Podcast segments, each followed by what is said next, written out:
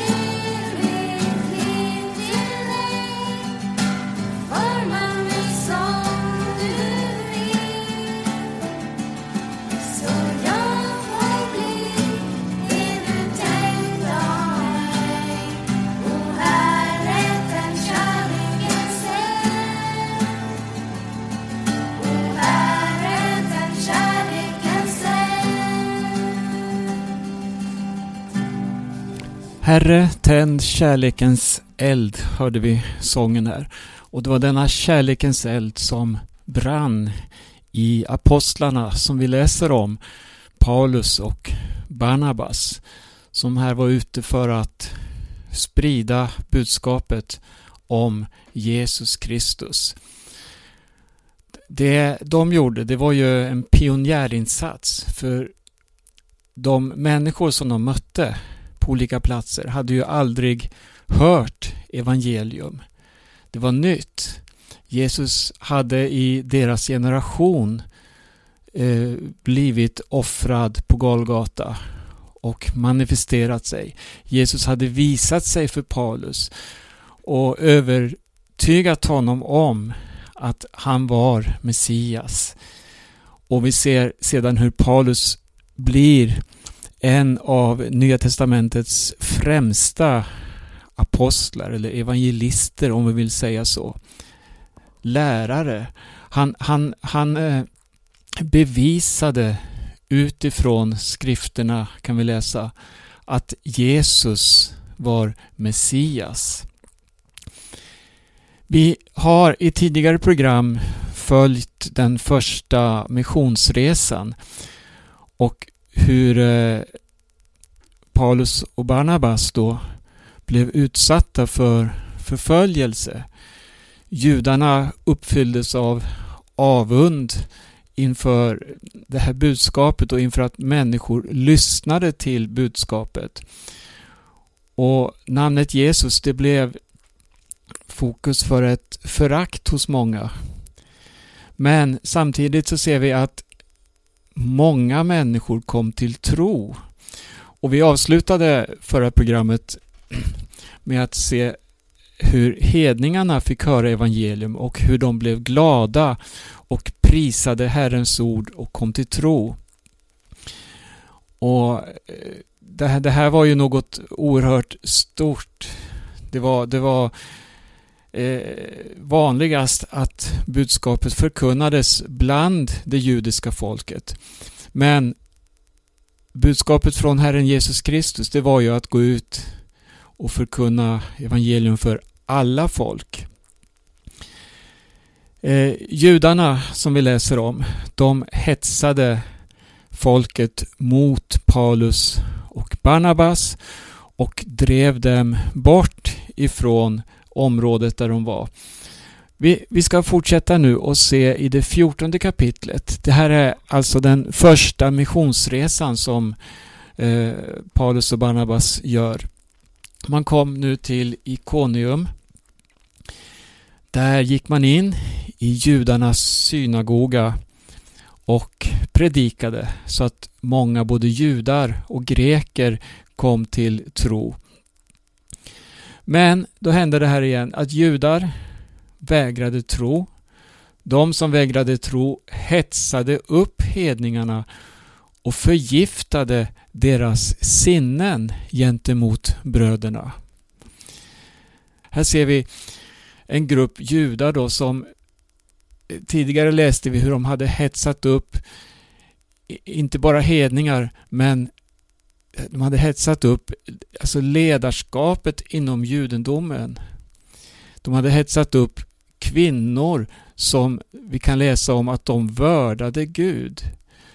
De hade hetsat upp, alltså sått ett gift med hjälp av sin tunga. Och Jakob skriver om det här. Han skriver om hur tungan är ett vapen som kan tända eld på en hel skog.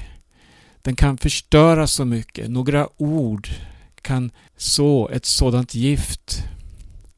Och här gäller det verkligen att vara på sin vakt. Att visa omsorg och låta sig fyllas av en osjälvisk kärlek till människor. Vårt mål är inte att förgifta, att skada, utan det handlar om att presentera evangelium för människor. Precis det som Paulus och Barnabas gjorde. Men då får vi också räkna med att det väcks ett motstånd. För Jesus han sa ju själv att mitt rike är inte av den här världen. Och så förklarar han för sina lärjungar vad som väntade i den här världen för hans namns skull. Eh, Paulus och Barnabas, de var här nu i Konium och stannade där en längre tid och talade frimodigt i förtröstan på Herren som bekräftade sitt nåderika ord genom att låta tecken och under ske genom deras händer. Det fanns spänningar, men mitt i denna spänning så ser vi då hur Herren manifesterar sig genom sina tjänare. Han manifesterar sig och låter tecken och under ske. Och då hände det som det står i vers 4 här då. Men folket i staden delade sig så att vissa höll med judarna och andra med apostlarna. Och när både hedningarna och judarna med sina ledare gjorde upp en plan att misshandla och stena dem fick apostlarna reda på det och flydde till städerna Lystra och Derbe i Lykaonien och trakten däromkring. Där fortsatte de att förkunna evangeliet. Det, det, här är också en talande bild. Jag tänker på alla flyktingar vi möter idag. Alla som får fly för sin tro. Alla som blir hånade för namnet Jesus. Och förföljda. Här, här, här ser vi också hur hedningar och judar gjorde upp en plan. Man planerade helt enkelt att ta livet av apostlarna. Stena dem. Men deras tid var ännu inte inne och det finns en oerhörd eh, vad ska man säga, omsorg, ett skydd från Herren själv över sina tjänare. Och det här tror jag gäller oss alla att han vill ingjuta den här frimodigheten hos oss. Så att vi inte stannar upp utan att vi trots motstånd som, som kan dyka upp att vi håller fast vid uppdraget vi har fått. Nämligen detta att gå ut och förkunna evangelium för alla människor. Det finns också idag många människor som inte vet om vägen, som inte känner till Jesus, som, som, som behöver få ett ord ifrån honom i sin situation. Vi får be till Gud om kraft och visdom, verkligen, så att vi också kan göra som det står här i sjunde versen. Där fortsatte det att förkunna evangeliet. De drevs från en plats, kom till en ny plats.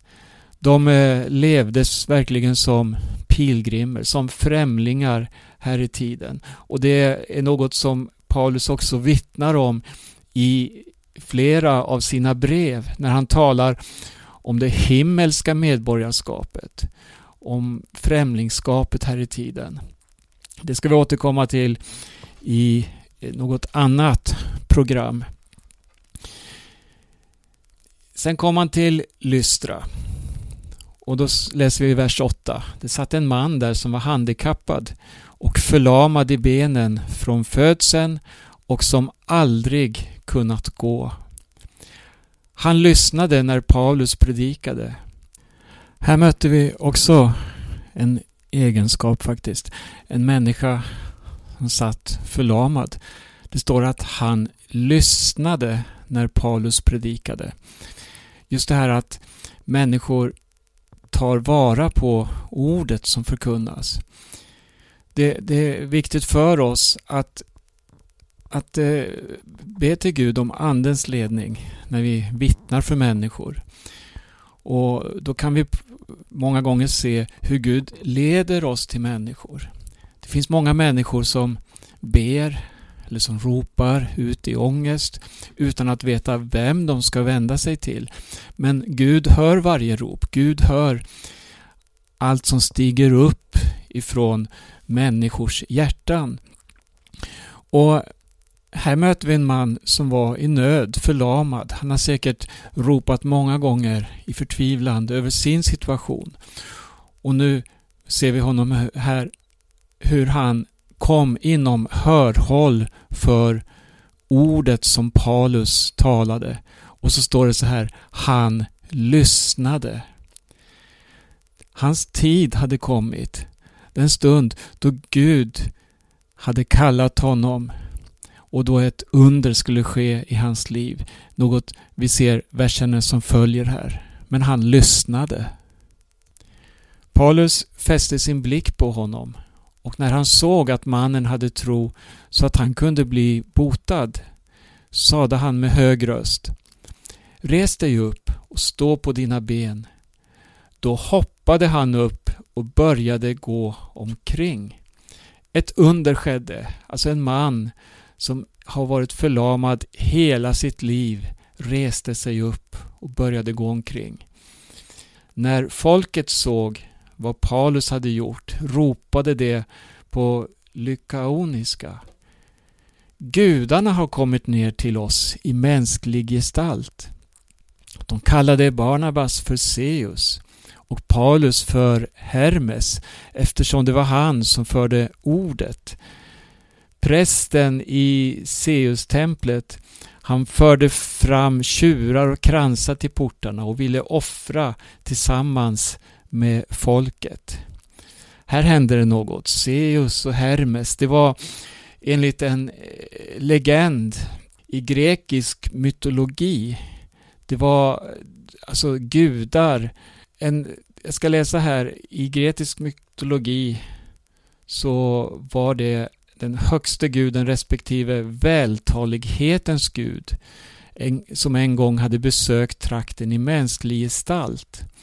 Det här är alltså den mytologi som många trodde på. Och de två gudarna skulle då ha blivit så upprörda över det dåliga mottagandet att de utplånade den dåtida staden. Vilket kan förklara folkets vördnad för Paulus och Barnabas. Man trodde helt enkelt att nu har gudarna kommit till oss igen i mänsklig gestalt och gett oss en ny chans. Och prästen i Seus-templet utanför staden han förde fram tjurar och kransar till portarna och ville offra tillsammans med folket. Ska vi se då hur apostlarna reagerade på detta. Vad gjorde man? Det står i vers 14 så här. Men när apostlarna Barnabas och Paulus hörde det rev de sönder sina kläder. Ett judiskt uttryck för sorg och förfäran som vi kan läsa om redan i Första Mosebok. De, de rusade in bland folket och ropade Människor, vad är det ni gör? Vi är också människor som ni. Vi kommer till er med evangeliet och ni ska omvända er från dessa tomma avgudar till den levande guden, han som gjort himmel, jord och hav och allt som finns i dem. Det var en kraftig reaktion. De eh, tog ändå tillfället i akt och varnade för dessa tomma avgudar som man sa.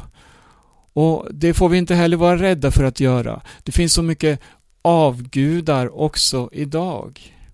Det finns också så många kopplingar till okkultism, till new age genom yoga och andra metoder som används.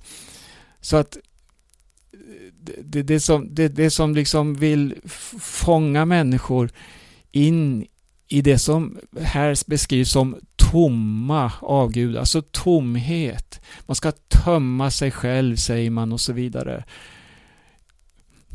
Eh, det, det fanns också på, för, på Paulus tid då, de, de här fenomenen. Men Paulus han, han sopar mattan med det här och säger att det finns en levande Gud som ni ska vända er till. Jag ska läsa vers 16 här. I forna generationer lät han alla hedna folk gå sina egna vägar. Ändå har han lämnat många vittnesbörd om sig själv. Han gör gott, han ger er regn från himlen och skördetider och mättar er med mat och glädje i era hjärtan.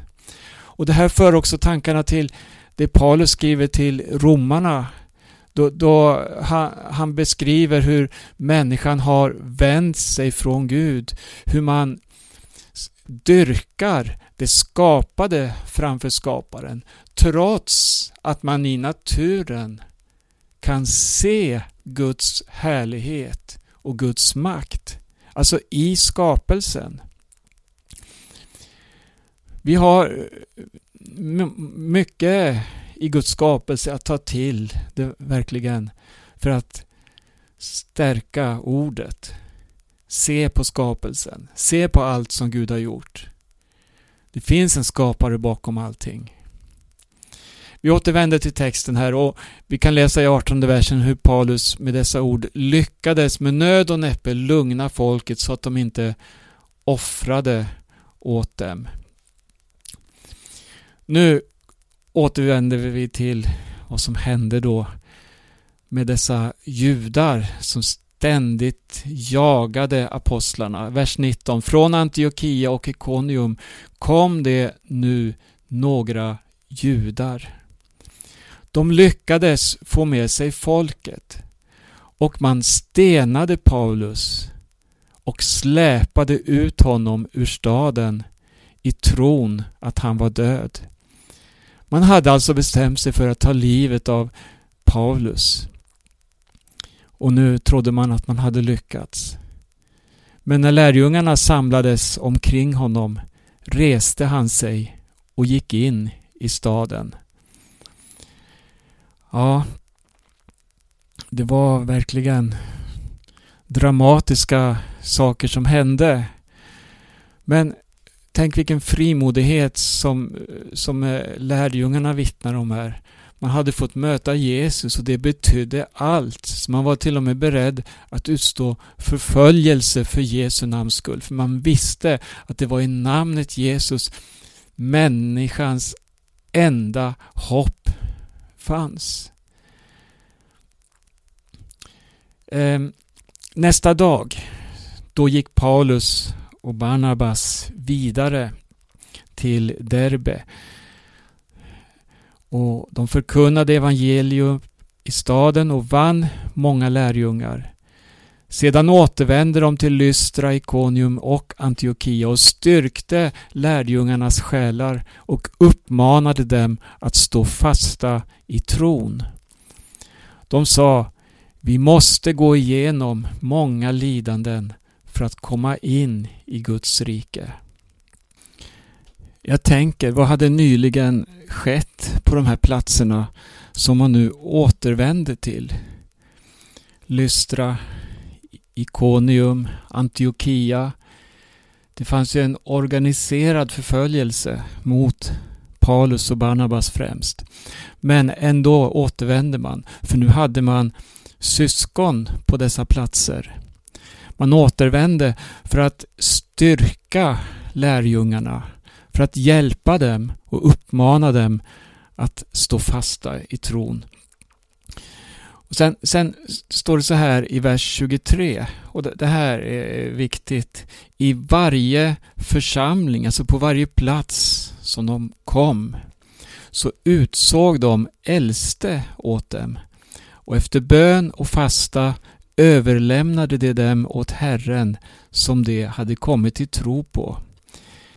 Man såg till alltså att syskonen på den platsen fick hjälp i, i sin gudstjänst, i sitt nya liv. Man skulle hjälpa varandra, bygga upp varandra. Och Paulus skriver om detta, kanske främst i, i brev, sitt första brev till Korintierna och i Fesebrevet, just om församlingen, om tjänsterna och om varför eh, Gud har satt olika tjänster i församlingen. V vad syftet är, vilken funktion det har. Jag tänker, här står det om att det tillsattes äldste. Det behövdes en ledning som kunde hjälpa de troende nu att bevaras, att komma i funktion. Och eh, det, det, det är speciellt en vers jag tänker på. Just det här att de som nu då satt i ledningen skulle ju inte fungera istället för de andra. De skulle inte heller fungera som några chefer över de andra. Men de skulle hjälpa varandra att komma i tjänst. Det här är så viktigt. Att var och en får komma i tjänst, att var och en får utlopp för sitt andliga liv, alltså för det Gud har lagt ner i varje människa, de gåvor han har gett och så vidare. Och Det står så här i första Korintierbrevet 14 och 26. Just det som handlar om att bygga upp varandra, att hjälpa varandra. Hur ska det då vara bröder? Jo, när ni samlas har var och en något att ge. Alltså var och en har fått något av Gud som man vill dela med sig av. Här står det om en psalm, en undervisning, en uppenbarelse, ett tungotål och en uttydning. Och så står det Låt allt bli till uppbyggelse. Allt blir till uppbyggelse. Bygg upp varandra, styrk varandra, hjälp varandra, visa kärlek mot varandra och så vidare. Allt för att upphöja namnet Jesus. Vi, vi går vidare till, eh, eller tillbaka till texten här. Eh, vad hände sedan de hade utsett äldste i, för, i varje församling på de platser de hade varit. Sedan tog apostlarna vägen genom Pisidien och kom till Pamfylien. De predikade ordet i Perge och gick ner till Atalia. Därifrån seglade de tillbaka mot Antiochia där de hade blivit överlämnade åt Guds nåd för det uppdrag som de nu hade fullgjort. Här, nu åkte man alltså tillbaka till den plats man hade blivit utsänd ifrån och man kunde tala om att man hade fullgjort uppdraget. Och när de kom fram så samlade de församlingen och berättade om allt som Gud hade gjort genom dem och hur han hade öppnat trons dörr för hedningarna. Och eh, så stannar man sen en tid där hos lärjungarna. Man var nu tillbaka i Antiochia, missionscentret, eller den plats där lärjungar förbereddes att gå ut med evangelium. Det är oerhört inspirerande att läsa om man, om man ser helheten. Man ser dels den utsändande församlingen men sen också hur på plats efter plats där evangelium tas emot av människor så bildas det små församlingar, små grupper, utses tjänster och så vidare. Och på det sättet sprids evangelium genom husförsamlingen till, från människa till människa. Och på det här sättet får vi fortsätta till dess att Jesus kommer. Fortsätta att förkunna evangelium och bedja att Gud ska frälsa människor. Vi lever i en hård tid på många sätt. Men samtidigt är det en tid där människor söker efter svar på frågor. Människor söker efter tillfredsställelse. Man söker att finna en mening med livet.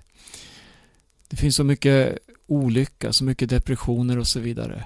Men, men tänk om vi får nå fram med detta budskap om Jesus till människor som ropar. Vi ska fortsätta i nästa program och då ska vi på ett möte i Jerusalem och se vad som hände där. Nu avslutar vi det här programmet. Du lyssnar till Radio Maranata. Vi sänder över Stockholm och Örebro varje morgon klockan 8, måndagar och onsdagar klockan 18. Vår hemsida har adressen maranata.se. Vi har också en tidning som heter Midnattsropet. Midnattsropet.se. Den kan du beställa och få kostnadsfritt. Det är ett nytt nummer som har lämnat pressarna alldeles nu i dagarna. Och Det finns att beställa om du vill ha det. Ett väldigt fint nummer att använda i evangelisation också.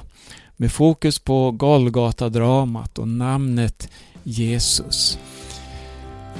Tack för oss för den här gången säger jag Berno Widén och på återhörande. There's a crown to win There's a cross to bear There's a suffering for his kingdom here